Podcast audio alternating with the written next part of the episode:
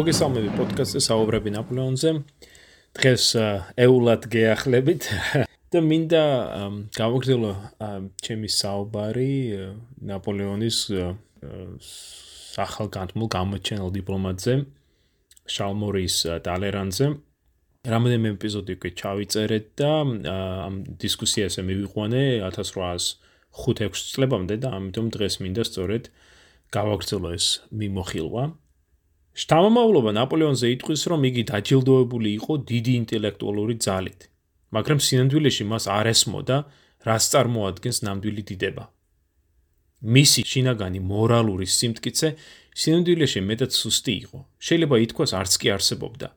მას არ შეეძლო ზომიერად დათკვარიყო კეთილდღეობით, ან ღირსეულად შეხვდრილიყო ცხოვრების უკუღმართებას. და სწორედ ამ მორალური სიმტკიცის ნაკლობის გამო მან დიდი მწუხარება მოუტანა როგორც ევროპას, ასევე საკუთარ თავსო. სწორედ ამ სიტყვებით გაიხსენებს ტალერანი ნაპოლეონის თავის მემუარებში. ეს საყურადღებოდა, ვფიქრობ, მრავლის მთქმელი ციტატაა. ტალერანის თქმით, სწორედ მაშინ, როდესაც ნაპოლეონი თავის დიდების წვერვალზე იყო, და აი ბერლინში კარნახობდა ევროპის გარდაქმნის გეგმებს, როგორც ჩვენ განვიხილეთ ეს წინა პოდკასტებში, მათ შორის ამ გეგმებს შორის იყო კონტინენტური სისტემის შექმნა, ხო, ეს ევროპაში გარდაქმნები და რა თქმა უნდა ესპანეთში შეჭრის გეგმაც. აა სწორედ ამ დროს ტალერანი ხვდება, რომ ამ კარტს მის სიტყვით არ ძალუც ზომიერება და რომ ის სამსახურში ყოფნა ამიერიდან შეცდომა იქნებოდა. სწორედ ამ მომენტიდან, აი 1807-8 წლებიდან ტალერანი აღნიშნავს თავის მემორიებში, რომ მან მიიღო გადაწყვეტილება, რომ რამენაერად განდგომოდა ნაპოლეონს. ტილიზიტი ხალხშეკრულებები, რომელსაც ნაპოლეონმა ხელი მოაწერა 7 და 9 ივლისს რუსეთთან და პრუსიასთან და რომლებმაც ევროპაში მის უზენაესობას გაუსვეს ხაზი, ხოლოდ კიდევ ერთხელ განამტკიცეს ტალერანის გადაწყვეტილება დაპირისპირებოდა ნაპოლეონს.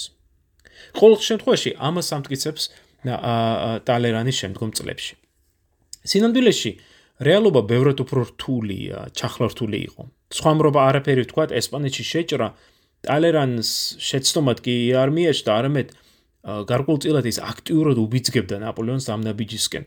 თუმცა დიპლომატს ამის აღიარება შემდგომ წლებში ნამდვილად არ სურდა. მაგრამ აქვე უნდა აღვნიშნო, რომ ამ ორ პიროვნებას ნაპოლეონსა და ტალერანს შორის განხილთხილება მართლაც იწება ამ პერიოდიდან, ეს თანათანობით უფრო დაპირისპირებაში გადადის, მაგრამ აქ საყურადღება სხვა რამ არის. ტალერანის გარდა საფრანგეთის მართველი ელიტის სხვა წევრებიც გამოთქვამდნენ შეშფოთებას ნაპოლეონის მიერ საგარეო პოლიტიკის მართვის თაობაზე, მაგრამ არც ერთმა მათგანმა შეიძლება ითქვას, არ გადაწყვიტა ეთანამშრომლა სხვა სახელმწიფოსთან, თქვა რუსეთთან, ავსტრიასთან, ნაპოლეონის ამბიციების შესაკავებლად. ტალერანი ტალენმარკი გადადგა ეს ნაბიჯი.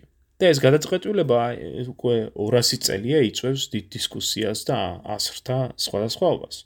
ზოგიერთებისათვის ტალერანის ეს ნაბიჯი სწორედ რომ ღალატის თოლპასი იყო. სხვები ალბათ შემიძლია ვთქვა მეც მათ შორის უფრო რაციონალურად უყურებენ მის აქციელს და ხას უსვამენ იმ გარემოებას რომ ტალერანი ამ პერიოდში ყოველშემთხვევაში დასაწყისში 1807-8 მე ვფიქრობ 1809 წლის მიწურულამდე არც ცდილობდა ნაპოლეონის დამხობას ან იმპერიული სისტემის როგორც ასეთი ამ იმპერიის დასამარებას. პირიქით 1804-1808 წლებში ტალერანი აქტიურად ეხმარება ნაპოლეონის იმპერიის შენებლობაში. და მას დიდი პირადი დაინტერესებაც გააჩნდა ამ იმპერიული პროექტის წარმატებაში. დამხობის ნაცვლად ტალერანს სურდა ნაპოლეონის ამბიციების გარკვეულ ჩარჩოებში მოქცევა და უკვე არსებული მონოპოლარის კონსოლიდაცია. რამდენად რაციონალურიც არ უნდა მიკროჩეს ეს ჩანაფიქრი, ის არსებითად განსხვავდებოდა თვით ნაპოლეონის სურვილისაგან და ამრიგად ასეთი მიდგომა ტალერანს ხდიდა იმპერატორის ოპოზიციური ფრაქციის, ოპოზიციური ჯგუფის ბირთვად. ამ ხრივ ვფიქრობ 1807 წელი იყო გარდამტეხი მომენტი ნაპოლეონის და ტალერანის ურთიერთობაში. ამ ორ ადამიანის შორის ურთიერთობა მუდამ იყო სავსე სირთულეები და ვფიქრობ დაკვირვებული ადამიანისათვის ეს აშკარა იყო კიდეც. თავად პოტოცკის ქალმა, რომელიც შეხვდა ტალერანს ვარშავაში 1807 წლის დასაწყისში, აი ამ თავად პოტოცკის ქალმა უმალვე შენიშნა ამ ამ ორ კაც შორის ეს ურთიერთობის უცნაური დინამიკა. ეს ციტატა არ მის ჩანაწერებიდან. მე ვერ გამოვხატავ თუ რამდენად გაკვირებული ვიყავი, როდესაც უყურებდი ტალერანს, რომელიც ტანჯულის სახით მიაბიჯებდა მისაღები ოთახის შუაგულში ცალხელში მაგიდის ხელსახოცი ეჭირა, მეორეში კი ვერცხლის სინი, რომელზეც ერთი ჭიქა ლიმონათი ედგა, რომელიც მას მიქონდა იმ მონარქისადმი, ანუ ნაპოლეონისათვის, რომელსაც ზურგს უკან ტალერანი ექცეოდა როგორც მეტი ჩარასა და პარვენიუს.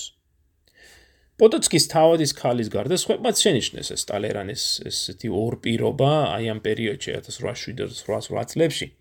იმპერიის სახელმწიფო საბჭოს წევრი ეტიენ დინი დე პასკიე, თორე ძალიან საინტერესო თვითხოველია და აი მემუარების ავტორი. აპასკიემ შენიშნა ტალერანის მხრიდან ისეთ საკითხებზე საუბარი, რომლებსაც მას, ანუ პასკიეს, პასკიეს აზრით, ღალატი, ყო ეს ციტატა, ღალატი სუნიაზდიოდა. სხვა თანამედროვეებმაც შენიშნეს ამ პერიოდში რომ ტალერანმა დაიწყო ურთიერთობა დალბერგის ჰერცოგთან, რომელიც კერძო საუბრებში ნაპოლეონს უწოდებდა უზურპატორსა და ტირანს. მაგრამ კიდევ ერთხელ მინდა დავსვა ეს შეკითხვა, რამ განაპირობა ტალერანის საქციელის ასეთ ცვლილება. ძირითადი გარემოება იყო აი რაციონალური ანალიზი, რომელმაც დაარწმუნა ტალერანი და უნდა ვთქვა, რომ ნაპოლეონის გარემოცვაში ერთ-ერთი უპირველესი ადამიანი იყო, შეიძლება ვთქვა, რომ ფუშესთან ერთად.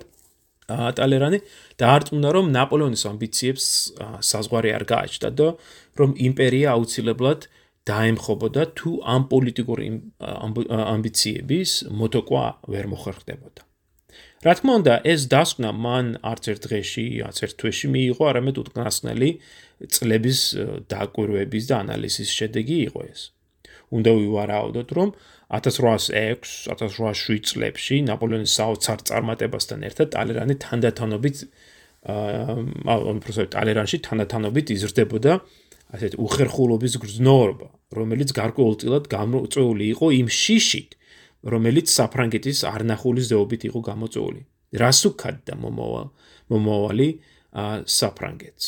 შეიძლებოდა კი ამ არნახული წარმატების შენარჩუნება. რა მომავალ როგორ განვითარებ განვითარდებოდა თქვა იმპერიის მომავალი თუ საფრანგეთი შეინარჩუნებდა ასეთ ჰეგემონიას ევროპაში და განაცხენებდა ხო სხვა დიდ სახელმწიფოებს რა თქმა უნდა იმპერატორთან დაპირისპირების გადაწყვეტილება და ტალერანს არ მიუღია ნაჩქარებად და მიუხედავად იმისა თუ რას აცხადებდა ის მომდენო წლებში ამ პერიოდში იგი ჯერ კიდევ მონდომებით ემსახურებოდა ნაპოლეონს და ნაპოლეონის შეძლების და გვარად ითვალისწინებდა ტალერანის შეხედულებებს.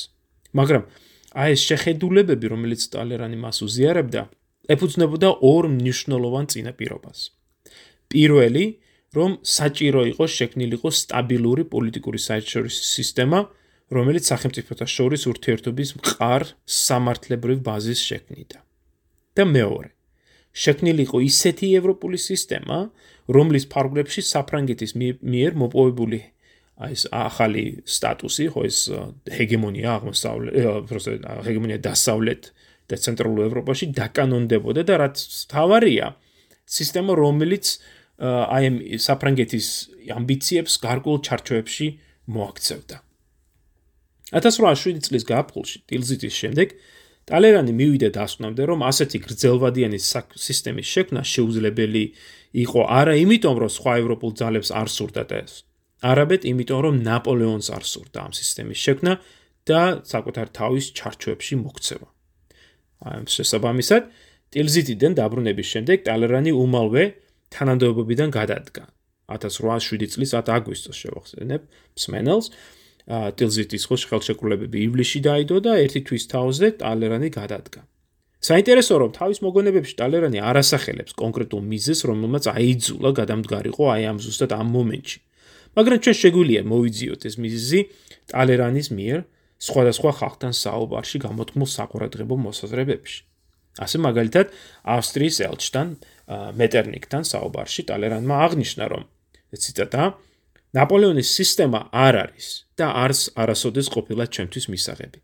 მე ალბათ აღარ ვიქნები ძალაუფლებაში, მაგრამ თქვენ ნახავთ, რომ ევროპის თითქმის ყველა ერი ჩვენს ზეგავლენის ქვეშ მოხვდება, მაგრამ შემდეგ თითოული მათგანი მოინდომებს შური იძიოს იმ აუტანელი უღლისათვის, რომელიც ჩვენ მათ მოვახვიეთ თავს. მადამ დერემუზასთან სავარში ტალერანი ასევე საინტერესო გამოთქვა საინტერესო მოსაზრებას და ეს ცოტა ვრცელი ციტატა არის რომელიც თარგმნე მე ამ მემუარებიდან და მინდა შემოგთავაზოთ და ეს ციტატა იწყება ასე. ტალერანის სიტყვები არის ანუ რემუზასთან საუბარში იმპერატორს არ სურს დაინახოს რომ ბედისწერა მას არ გუნა დიდი მისია იყოს ყველგან და ყოველთვის სასარგებლო და შესაძლო ცვლილებების გამტარებელი. საფრანგეთში რელიგიის ნეობის წესრიგის აღდგენა ინგლისის ცივილიზაციის მოწონება და ამავე დროს ბრიტანული საგარეო მისწრფებების შეკავება, რაინის კონფედერაციის საზღვრების განმტკიცება, იტალიის სამეფოს დამოუკიდებელი სახელმწიფო დამჩამოყალიბება, რუსეთის ამბიციების შეკავება იმ ბუნებრივი ბარიერით, რომელსაც პოლონეთის სახელმწიფოების ადგენა გვთავაზობს. ყოველივე ეს უნდა წარმოადგენდეს იმპერატორის ფუნდამენტურ ბიზნესს. ზუსტად მას ემსახურება და ყოველივე ის ხელშეკრულება, რომლის შემოშევებაში მე დავეხმარე მას. მაგრამ ამბიცია, რისხვა, სიამაყე და არაერთი ბრიყვი, რომელსაც იგი უსმენს, ხშირად აბრმავებენ ნაპოლეონს. როგორც კი ზომიერებაზე ჩამოვაგდებთ საუბარს, ნაპოლეონე უმალვე ეჭვის თვალით მიწყებს ყურებას, მაგრამ თუ ის აღარ მოусმენს ამ საღ ასრს, მაშინ ნახავ თქვენ, რომ ერთ ჩვენიერ დღეს ისეთ გაუაზრებელ სისულელეს ჩაიდენს, რომ თავის თავსაც განადგურებს და ჩვენთ კეთილდღეობასაც მიაყოლებს ზედ. მაგრამ რაც არ უნდა მოხდეს, მე მაინც მინდა ბოლომდე დავოდგე გვერდში. მე ხომ მткиცედ ვარ მიჯაჭული იმპერიის შექმნის საქმეს და მსურს რომ ის ჩემს უკანასკნელ მიღწევად ითვლებოდეს. მე არასოდეს ვიტყვი უარს მასზე. ეს მეტად საყურადღებო ციტატაა მე თუ მკითხავთ, რომელიც ხას უსვავს ტალერანის მიდგომას, როგორც საგარეო პოლიტიკისადმი, ასევე ნაპოლეონის ამბიციისადმი. ტალერანი იზიარებდა და მხარს უჭერდა ნაპოლეონის თერნიკ ნიშნულოვანს ნაპოლეონის თერნიკ ნიშნულოვან საკითხში. თქვათ იმპერიის შექმნაში, კონტინენტური სისტემის ჩამოყალიბებაში, ბრიტანულ ბრიტანეთის იმპერიის შეკავების აუცილებლობაში, რუსეთის ინტერესების შეკავებაში და თქვათ პოლონეთის აღორძინებაში როგორც ბარიერად აღმოსავლეთში. მაგრამ ამავე დროს ტალერანი აშკარად უპირისპირდება ნაპოლეონის ბევრ სხვა საკითხში. მათ შორის ნაპოლეონის სისტემაში ავსტრიის როლზე, ცენტრალურ ევროპაში დამოუკიდებელი ბუფერული ზონის შექმნასა და შენარჩუნებაზე, დამოუკიდებელი იტალიის არსებობაზე. ხო? და ალბათ ერთ-ერთი უმთავრესი განსხვავება იქნება აი საფრანგეთის შენარჩუნება მის ბუნებრივ საზღვრებში. ანუ იმპერია როგორც საფრანგეთი თავის ბუნებრივ საზღვრებში და არა მუდმივი გაფართოება ამ იმპერიისა. ტალერანის აზრით, სწორედ ეს მიმართულებები უნდა ყოფილიყო ნაპოლეონის საგარეო პოლიტიკის შუაგულში. და სწორედ ამას ურჩევდა ის განუწყვეტლივ იმპერატორს. ამიტომ არ მიმაჩნია ცალსახად ეს მტკიცებულება, რომ აი ტალერანმა ნაპოლეონს უღარლა და და იმპერიის იმპერიას ძირი გამოუთხარა, თქვა მართებული ამ პერიოდში. ტალერიან ტალერანსა და ნაპოლეონის შორის განსხვავება იმპერიის შექმნის და თქვა ან შენარჩუნებაში კი არ იყო, არამედ ეს უთანხმოება არსებითად იყო ახალი ევროპული საერთაშორისო სისტემის შექმნის აუცილებლობის და აი მასში საფრანგეთის როლის თაობაზე. ამიტომ არის, რომ აი ამ პერიოდში 1807-8 წლებში ტალერანი თქოს და ურთიერთ გამომრიცხავ პოლიტიკას ეწევა. ერთის ხრივ მას სურს ახალი საერთაშორისო სისტემის შექმნა, რისთვისაც ის აი ეს ჩუმად მალულად როგორც ნახავთ, თანამშრომლობს რუსებთან და ავსტრიელებთან, მაგრამ ამავე დროს აქტიურად ეხმარება ნაპოლეონის იმპერიული ჩანაფიქრების განხორციელებაში. ამ ხრივ უეჭვლივ ყველაზე მნიშვნელოვანი წამოწყება სწორედ აი ესპანეთში განვითარებული მოვლენები იყო. აბა ხშირად გაგიგიათ, რომ აი ტილზიტი ნაპოლეონის ევროპაში ძლიერების წვერვალი იყო. თუ ამ მოსაზრებას გავიზიარებ, მაშინ შეიძლება ვთქვათ, რომ ესპანეთში შეჭრა და მას მოყოლებული არაერთი სტრატეგიული შეცდომა სწორედ ამ წორვალიდან სწრაფი დაცემის დასაწყისი იყო. ჩვენ უკვე ვისაუბრეთ ამ ამბებზე. და ესპანეთის კარზე არსებულ რთულ პოლიტიკურ თამაშზე, რომელშიც ჩართული იყო ხო ეს ოგოდოი, რომელიც ფაქტიკულად მართავდა ქვეყანას ესპანეთის უნიჭო მეფე ხო ეს კარლო მეოთხე და მისი დედოფალი მარი ლუიზა და რა თქმა უნდა ტახტის მემკვიდრე ფერდინანდი ასტურიის პრინცი.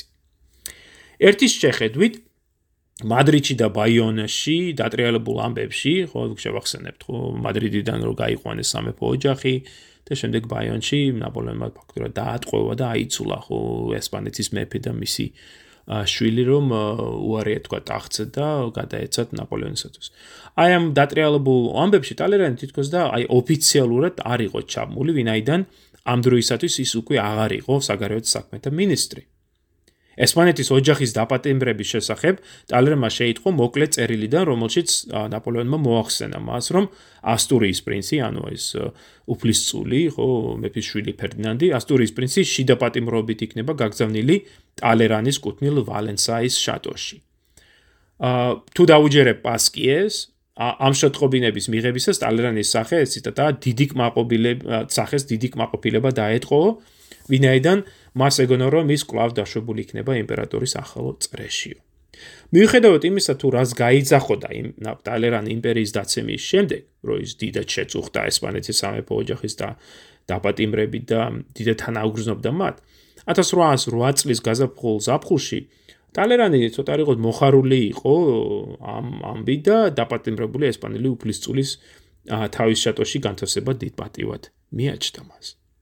მაგრამ არსებობს ურთიერთგამომრიცხავი შეხედულება თუ რა როლი ითამაშა ტალერანმა აი ესპანეთში საფრანგეთის შეჭრის გადაწყვეტილებაში. მართალია ის აღარ იყო საგარეო საქმეთა მინისტრი, მაგრამ ესპანეთში შეჭრის გადაწყვეტილება ნაპოლეონმა ერთ დღეში ხომ არ მიიღო და ადრეულ პერიოდში უსაუბრია ამ საკითხზე ტალერანთან. შემდგომში ნაპოლეონმა ხაზი გაუსვა, რომ ციტატა არის, რომ მართალია ტალერანმა არ ტალერანმა არ მი უბრალოდ მართალია ტალერანი არ მირჩევდა ესპანეთში შეჭრას იმ მომენტში როდესაც მე ეს წამოვიწყე მაგრამ მასზე მეტად არავინ იყო დარწმუნებული იმაში რომ ამ შეჭრის შეგა ნაწილობრივ ან თუნდაც ნაწილობრივ შემთხვევაშიც კი ესპანეთის და პორტუგალიის თანამშრომლობა და ბრიტანული ხელისუფლების მშვიდობისკენ აი იძულება გახდება შესაძლებელია ეს იმდენად ტკიცეთ იყო, უბრალოდ ნაპოლეონი ამბობს. ტალერანი იმდენად ტკიცეთ იყო ამ აზრზე, რომ სწორედ ამ საკითხზე აწარმოებდა მოლაპარაკებებს ისკუერდოსთან, ეს ესპანელის დიპლომატია, ისკუერდოსთან, რომლის შედეგად დიუროკმა შემდეგ ხელი მოაწერა ხელშეკრულებას ფონტენბლოში. სწორედ ტალერანი იყო ამ მოლაპარაკებების მამოძრავებელი სული და გული, თუმცა მას ოფიციალურად არანაირი თანამდებობა არ ეკავა. ინგლისელების დაზავებისკენ იძულების ეს მეთოდი, ანუ მშვიდობა ესპანეთის და პორტუგალიიდან ფრანგული ჯარის გაყვანის სანაცვლოდ, მას აუცილებლად მიაჩნდა, გვაუწყებს ნაპოლეონი. უფრო მეტიც, ნაპოლეონის თქმით, სწორედ ალერანი იყო ის პიროვნება, რომელმაც ლისაბონიდან პორტუგალიური სამეფო დინასტიის გაქცევის შემდეგ ესპანეთში ბურბონების დინასტიის დამხობის ფაქტურად ინიციატივით გამოვიდა. იგივე მოსაზრებას გამოთქვა სპასკიეც, რომელიც აღნიშნავს, რომ მასთან და სხვებთან საუბრებში ტალერანი განუწყვეტლივ იმეორებდა, რომ და ეს ციტატა ლუი მე-14-დან მოყოლებული ესპანეთის გვირგვინი ეკუთვნოდა ოჯახს, რომელიც მეფობდა საფრანგეთში და ეს უზრუნველყოფდა ევროპაში საფრანგეთის უზენაესობას. ამრიგად, ეს არის დიდი მეფის მემკვიდრეობის ერთ-ერთი ყველაზე ბრწყინვალე ნაწილი და იმპერატორმა უნდა იღონოს ყველაფერი, რათა ეს მემკვიდრეობა მთლიანად დაიბრუნოს. მან არ უნდა მიატოვოს მისი არც ერთი ნაწილი, უფრო მეტიც, ეს მისთვის დაუშვებელი უნდა იყოს. ანუ ეს ძალიან საყურადღებო ციტატა არის პასკიეს წერებიდან, რომ ტალერანი აქ მიანიშნებს ესპანეთის ხო გაკონტროლების აუცილებლობას და ბურბონების სამეფოს სახლის დაქვეპდებარებაზე, რათა მოხდეს ევროპაში საფრანგეთის ინტერესების განმტკიცება. ეს მოსაზრება კი კიდევ უფრო ხო ეს აზრს იძენს თუ ჩვენ გავითვალისწინებთ ტალერანის თქვა როლს იმპერიის შექმნაში. ნაპოლეონის მმართველობის წლებში ტალერანი არაერთხელ გამოთქვავდა ანტიესპანურ შეხედულებებს, მაგრამ ამ ხრივ ის არ იყო გამორჩეული, ვიდაიდან ფრანგულ ხელისუფლებაში სჭარბობდა ანტიესპანური სულისკვეთება და მოსაზრება, რომ საფრანგეთს არ შეეძლო თავის ფლანგზე ყოლოდა ტრულად ან ნეიტრალურად განწყობილი სახელმწიფო. ანუ ესპანეთი უნდა ყოფილიყო მხოლოდ საფრანგეთისადმი კეთილ განწყობილი და რაც თავარია პარიზის მიერ კონტროლირებადი და ფრანგული ინტერესების გამტარებელი სახელმწიფო. ისეთ სახელმწიფო მოღვაწეები როგორც იყვნენ თქვა მონგაიარი, მიურატი, შამპანი, სხვა შორის ფუშეც ყველა უჭერდა მხარს საფრანგეთის გარკვეულ ინტერვენციას ესპანეთში. ა ტალერანს არ აპროტესტებდა საფრანგეთში, უბრალოდ ესპანეთში ამ საფრანგეთის ინტერესების გაზდას. ა უფრო ამ ხრივ აღსანიშნავია რომ ის აპროტესტებდა იმ საშუალებებს, რომლითაც ნაპოლეონმა განახორციელა ეს. ამიტომ რომ უნდა კვეთრად განვაცხო თქვა ტალენის მოსაზრება რომ ესპანეთი უნდა იყოს დაქვემდებარებული საფრანგეთის ინტერესებს და აი ნაპოლეონის მიერ განხორციელებული სრულმასშტაბიანი ინტერვენცია, ხო, სამეფო სახლის წევრების დაპატიმრება და ახალი ხელისუფლების დამყარება, რომლის სწორედ ამის წინამდეგი იყო ტალერანი. რომელსაც მიეშდა რომ ესპანეთის გაკონტროლება სხვა გზებითაც შეიძლებოდა. ამ შემთხვევაში ტალერანისათვის მიზანი ნამდვილად არ ამართლებდა ხო აი საშუალებებს რომ გამოვიყედოთ ეს ეს ცნობილი გამოთქმა. 1000 აი პერიოდში 6-7 წლებში ტალერანი ჭრიდროთ იყო დაკავშირებული ნაპოლეონის რეჟიმთან და საგარეო საქმეთა მინისტრობიდან გადადგომის შემდეგად კონსულტაციას უწევდა ნაპოლეონს სხვა სხვა სახელმწიფო საკითხებზე, მაგრამ სწორედ აი აი ამ ესპანეთში შეჭრის პერიოდიდან ხო ეს ის დამოკიდებულება რომელიც მას გააჩნია ნაპოლეონისადმი რომელიც უკვე იწყებს ხო ცვლილებას სტილიზიდან მაგრამ აი ესპანეთში შეჭრამ მართლაც რომ საბოლოოდ გადაშეაცვლებინა მას და აი იმპერატორის და იმპერიის მიმართ ტალერანის დამოკიდებულება მკვეთრად მართლაც იწრება თავის მოგონებებში ტალერანი მოგვითხრობს თუ როგორც ცდილობდა 1800 წლის აგვისტოში ქალაქ ნანჩი შეხვედრისას აეხსნა ნაპოლეონისათვის თუ როგორ აღიქვავდა დანარჩენი ევროპა მის ქმედებებს ესპანეთში. და ეს საინტერესო ციტატაა ეს ანუ ტალერანი იხსენებს თუ საუბარში როგორ აუხსნა ნაპოლეონს და ის წერს რომ ნაპოლეონს უთხარიო რომ ადამიანი შეიძლება იქცეოდეს ექსტრავაგანტულად, ყავდეს საყვარლები, ცუდად ექცეოდეს ცოლსა და მეგობრებს, და საზოგადოება მას უსაყვედურებს, მაგრამ თვალს დახუჭავს თუ ეს პიროვნება მდიდარია ძლევმოსილნე ჭირი. მაგრამ თუ ეს ადამიანი ერთხელ მაინც ბანკოში თამაშისას მოიტყუება, საზოგადოება მას დაუყოვნებლივ განდევნის და არასოდეს აპატიებსო. ტალერანის აზრით ესპანეთის სამეფო სახლის მოტყუები დაპატიმრება და დამხობა სწორედ აი ამ ბანკოში თამაში მოტყუებას უდრიდა. ნაპოლეონმა უხეშად დაარღვია თამაშის წესები და ტალერენისათვის ეს ავის მომასწავებელი მომავლის ნიშანი იყო. ალბათ არ შეჭდები თუ ვიტყვით რომ სწორედ აი 1808 წლის ზაფხულში ხდება გარდატეხა მის დამოკიდებულებაში ნაპოლეონისათვის. ეს გარდატეხა იწყება ტილზიტის მერე და აი 8 წლის ზაფხულში მართლაც ყარდება. ის არ იზიარებს ნაპოლეონის მოსაზრებას რომ ევროპის მომავალია დიდი იმპერია, რომელიც სატელიტური სამეფოების ფედერაციას წარმოადგენს. შემდგომში ტალერანი აღნიშნავს, რომ ესპანეთის შეჭრის შემდეგ ეს ვრცელი ციტატა მინდა მოვიყვანო მის ჩანაწერებიდან, რომ ესპანეთის შეჭრის შემდეგ ყველა ხელმწიფე შეშინებული და აღელვებული დარჩა. ნაპოლეონმა წარმოშვა სიძულვილი და შექმნა სირთულეები, რომლებიც გრძელვადიან პერსპექტივაში გადაულახავი უნდა გამხდარიყო. უფრო მეტიც, თითქოს და ევროპა საკმარის სირთულეებს არ არ უქმნიდა, ნაპოლეონმა შექმნა ახალი პრობლემები საკუთარი ოჯახის ამბიციების დასაკმაყოფილებლად. ერთ დღეს წარმოთქმულმა სიტყვებმა რომ სიკვდილამდე ის უზრუნველყოფს რომ მისი დინასტია ევროპაში უძველესი იქნება, უბიძგა ნაპოლეონს დაეწყო დარიგება თავის ძმებისთვის, დებისთვის და დების ქმრებისთვის იმ ტახტებისა და სამთავროებისა, რომლებიც გამარჯვება თუ მოხანათობა მას არ გონა. ამ გზით ნაპოლეონმა განკარგა ნეაპოლი, ვესტფალია, ჰოლანდია, ესპანეთი, ლუკას სათავადო და შვედეთიც კი. აი ამ ბავშვურმა ამაოებამ უბიძგა მას ამ გზაზე რომელიც უამრავ საფრთხეს უკადდა მას მომავალში მის მიერ ახლად შექმნილი ხელმწიფეები ხომ ან მისი გრანდიოზული ჩანაფიქრის ნაწილად და საფრანგეთის სატელიტებად უნდა დარჩენილიყვნენ, რომლის შემთხვევაში ისინი ვერასოდეს შეძლებდნენ ფეხი მოეკიდა თავიანთ ქვეყნებში, ან იძულებული იქნებოდნენ განდგომოდნენ მას, როგორც ეს გააკეთა ფილიპე მე-5-ემ, რომელიც ლუდოვიკო მე-14-ს განუდგა. როდესაც ნაპოლეონმა ნაპოლეონი გასცემდა გვირგვინს, მას სურდა, რომ ახალი მეფე ყოფილიყო მისი უნივერსალური ბატონ ბატონობის, დიდი იმპერიის უშუალო ნაწილი. მაგრამ ტახტე ასვლისთანავე ამ ადამიანს სურდა ერთპიროვნულად ემართა ქვეყანა, გარედან ჩარევის გარეშე და ამიტომ მეკნაკლებად გაბედულად იწყებდა. სწორედ იმ მარჯვენის წინააღმდეგ ბრძოლას, რომელიც მის გაკონტროლებას ცდილობდა. ეს საინტერესო ციტატა არის, ხო? რომელიც გარკვეულწილად ასახავს აი ტალერანის სოფხედველო, პოლიტიკურ სოფხედველობას. აქ ჩვენ ხედავ რომ აი ნაპოლეონის დინასტიური პოლიტიკა ტალერანისათვის მიუღებელი იყო.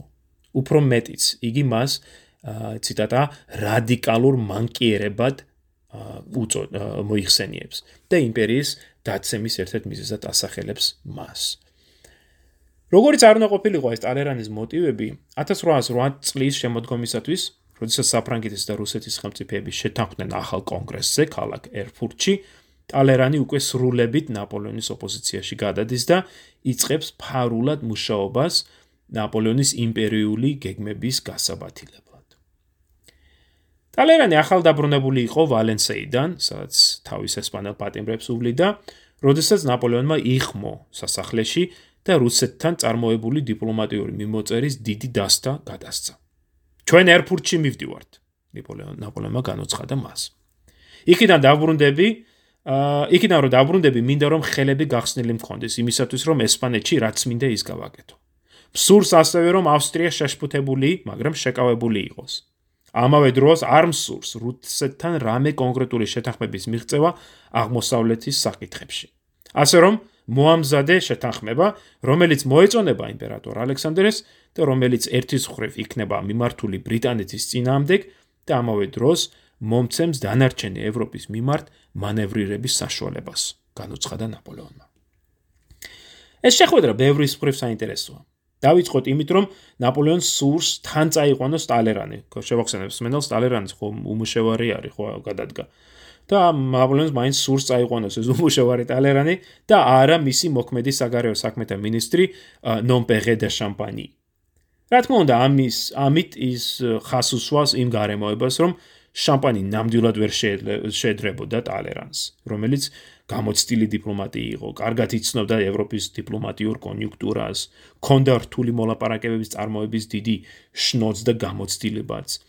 იყო ალბათ ერთ-ერთი, თუ არა ერთ-ერთი ადამიანი, ხო, ნაპოლეონის გარემოცვაში, აა უბრალოდ გამკიცეთ მინდა შემიძლია ვთქვა. ალბათ იყო ერთ-ერთი ადამიანი ნაპოლეონის გარდა, ნაპოლეონის გარემოცვაში, რომელსაც შეეძლო რუსეთის იმპერატორთან თანაბრად საუბარი. არც ის უნდა დავიწყოთ, რომ ნაპოლეონს და ტალერანს მრავალწლიანი თანამშრომლობა აერთიანებდა და ისუათი იყო ადამიანი, რომელსაც ისე კარგად ესმოდა ნაპოლეონის მოსაზრებები, როგორც ტალერანს.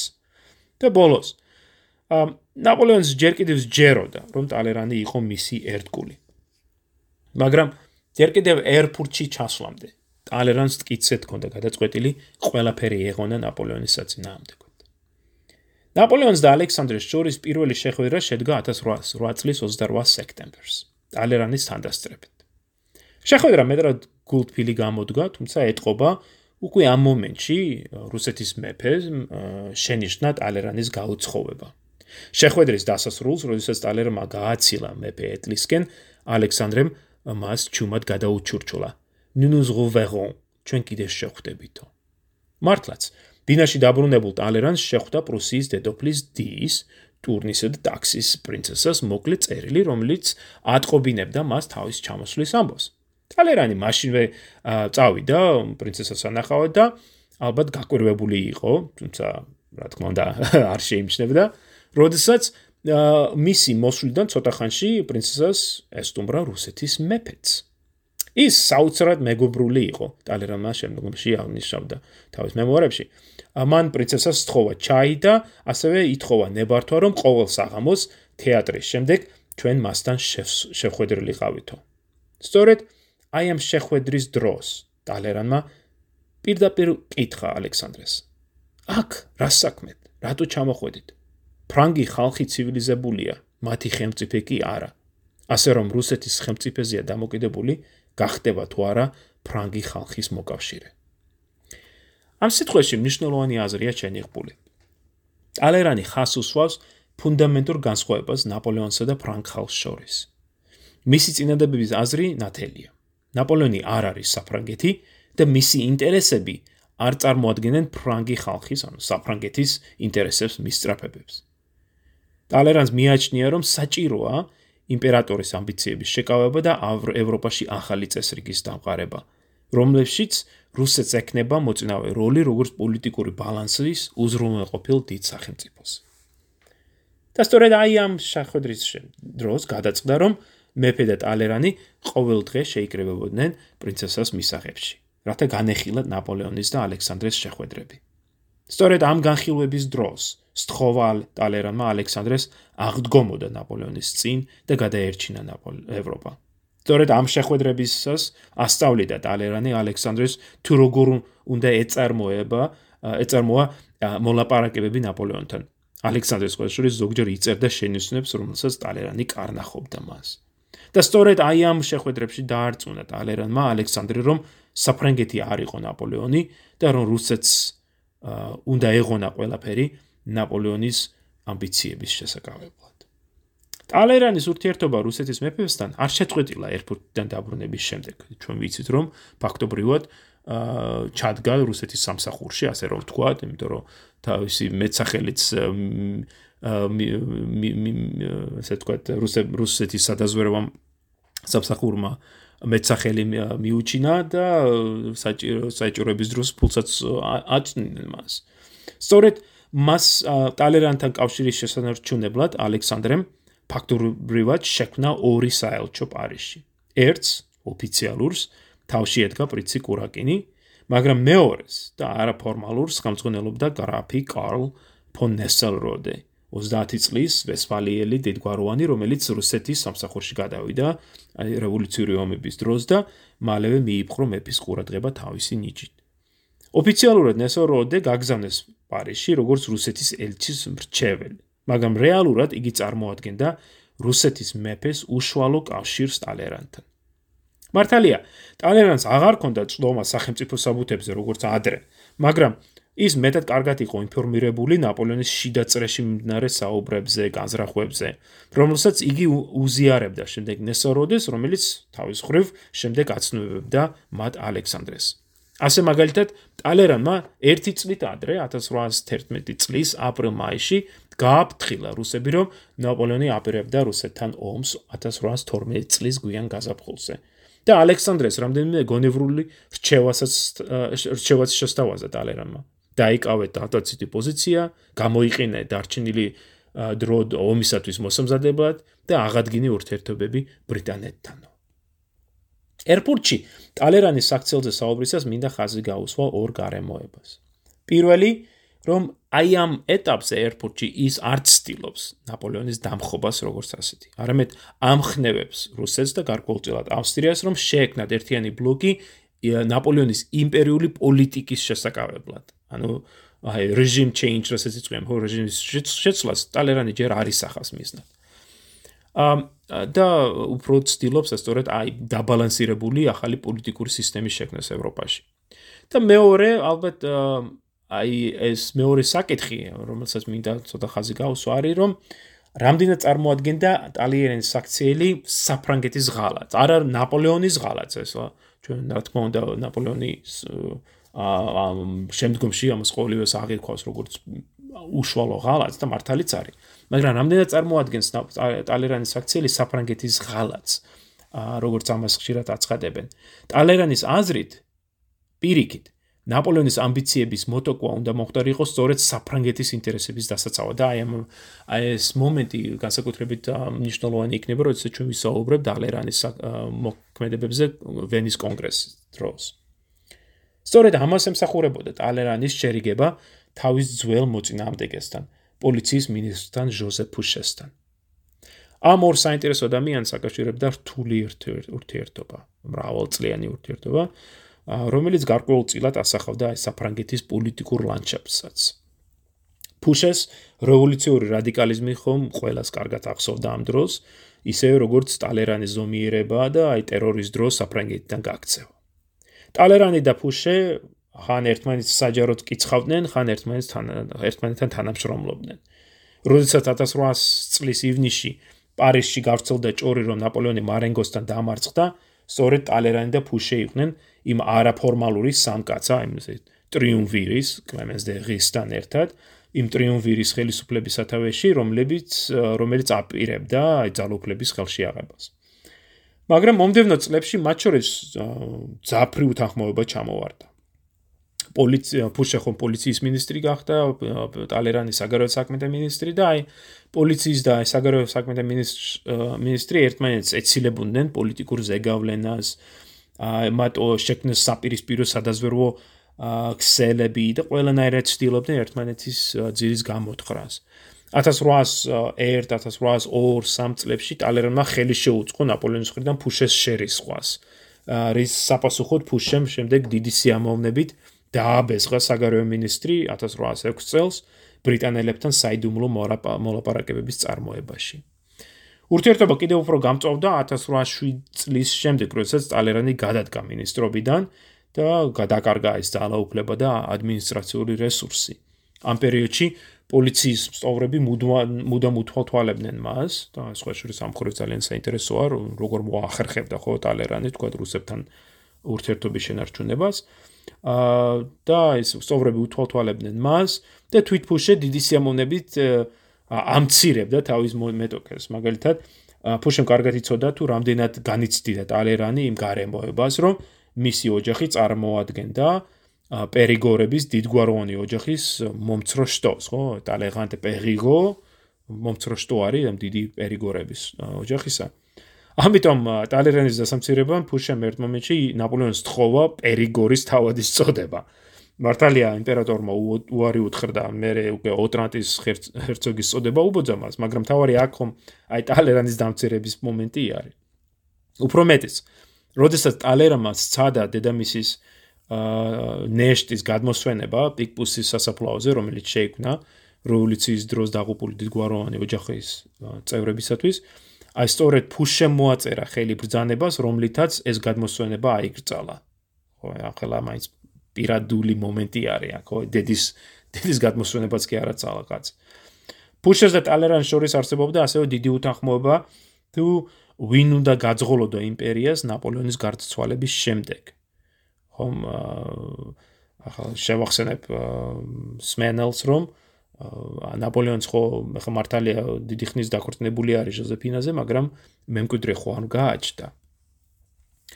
ამ მაგრამ აი მიუხედავად ამისა 1808 წლის მიწურულს ძველ მეტოქეებს შორის მოულოდნელი შერიგება მოხდა. ერთ დღეს ტალერმა დიდი წვეულება მოაწყო თავის დიდებულ სახში. ყველა სტუმარი რომ მივიდა და აი ეს ეს აი ღრეობა და წვეულება უნდა დაწყებულიყო, მე მოულოდნელად ერთ მოსამსახურემ ხმამაღლა გამოაცხადა რომ კარებთან პოლიციის ministri იდგა. აი პასკიე, ეტიენ პასკიე, რომელიც მე ახს მახსენე, ა პასკიე შვენიერად აღწერს როგორ უმალ ჩამოვარდა დარბაში ეს სიჩუმე და როგორ მოტრიალდა ყველა შესასვლელისაკენ. ერთადერთი ხმაო, პასკი ამბობს, რომელიც დარბაში გაისმა, იყო ამ კოჭლი ტალერანის ტუპლების წკაპაცკუპი, როდესაც იგი ახლად მოსულ სტუმრის შესაგებებლად გაემართა. შემდეგ ეს ორი მამაკაცი, ტალერანი და ფუშე, ხელი ხელჩაკიდებული ოთახში შემოვიდა და ყველას დასანახავად სიცილ კისკისით რაღაცაზე დაიწყეს საუბარი. თვალებს ვერ უჯერებდითო აღნიშნავს პასკიე. ძველი მტრების შერიგება პარიზის საზოგადოების დიდი მithმა მოთქმის საგანი გახდა. ამ შერიგების მიზეზი კი ორი რამე იყო. ერთი თავარი იყო რომ ფუშე და ტალერანი ორთავე ნაპოლეონის პოლიტიკით უკმაყოფილო იყო. გასაგაზრებით ამ იმპერიის გაფართოებით ფუშეს შორის აქვს საინტერესო მიმოწერას მიურატთან სადაც ის გამოთქვავს თავის შეშფოთებას, რომ ეს ომები გრძელდება, იმპერია ფართოვდება და რომ საჭიროა მშვიდობა და მონოპოლის კონსოლიდაცია. ზო, ეს არის ერთი მთავარი, ჩემ მე ვფიქრობ, ხო ეს რომ ფუშეც და ტალერანის უკმაყოფილო არის ნაპოლეონის საგარეო პოლიტიკით. და მეორე, უფრო უშუალო მიზეზი არის შიში, რომელიც ორივეს ამოძრავებდა, შიში თუ რა მოხდებოდა ნაპოლეონი რომ დაღუპულიყო ესპანეთში ლაშქრობის დროს. აქ ნაპოლეონის დივანს აქვს მენევალს ძალიან საინტერესო აა მომენტი თავის მემუარებში, როცა საუბრობს აი აა ესპანელი პარტიზანის, გერელისის, ხო? აი პარტიზანის ნასროლმა ნასროლ ტყიას რომ ემსხვერპლა ნაპოლეონი რა მოხდებოდაო? აა ნაპოლეონს ჯერ ხომ არ ყავდა შვილი, მემკვიდრე. აა ჯოზეფინასთან ქორწინება ხო უშვილო არის. მას ყავს ხო ესე თქვა ნაბიჯვარი შვილები, რომელიც ერთ-ერთ საყვარელთან გაუჩნდა. მაგრამ ოფიციალურად შვილი არ ყავს. აა იშვილა თავისი ძმის შვილები, ხო ლუის შვილები იშვილა, მაგრამ აი ეს თავარი უფროსი ბიჭი ეხლახანს გარდაცვლილია და ამიტომ გაურკვევლობა სუფევს თუ აი რა მოხდება იმპერიაში, როცა თუ იმპერატორი მოკვდა. და აი ამ გაურკვევლობამ აიძულა ფუშე, რაც დაიწყო თქვა თავისი სულები აა ტალერანს, ტალერანს აა ტალერანი უბრალოდ იმპერატორის მემკვიდრედ მოიაზრებდა ჟოზე ბონაპარტს.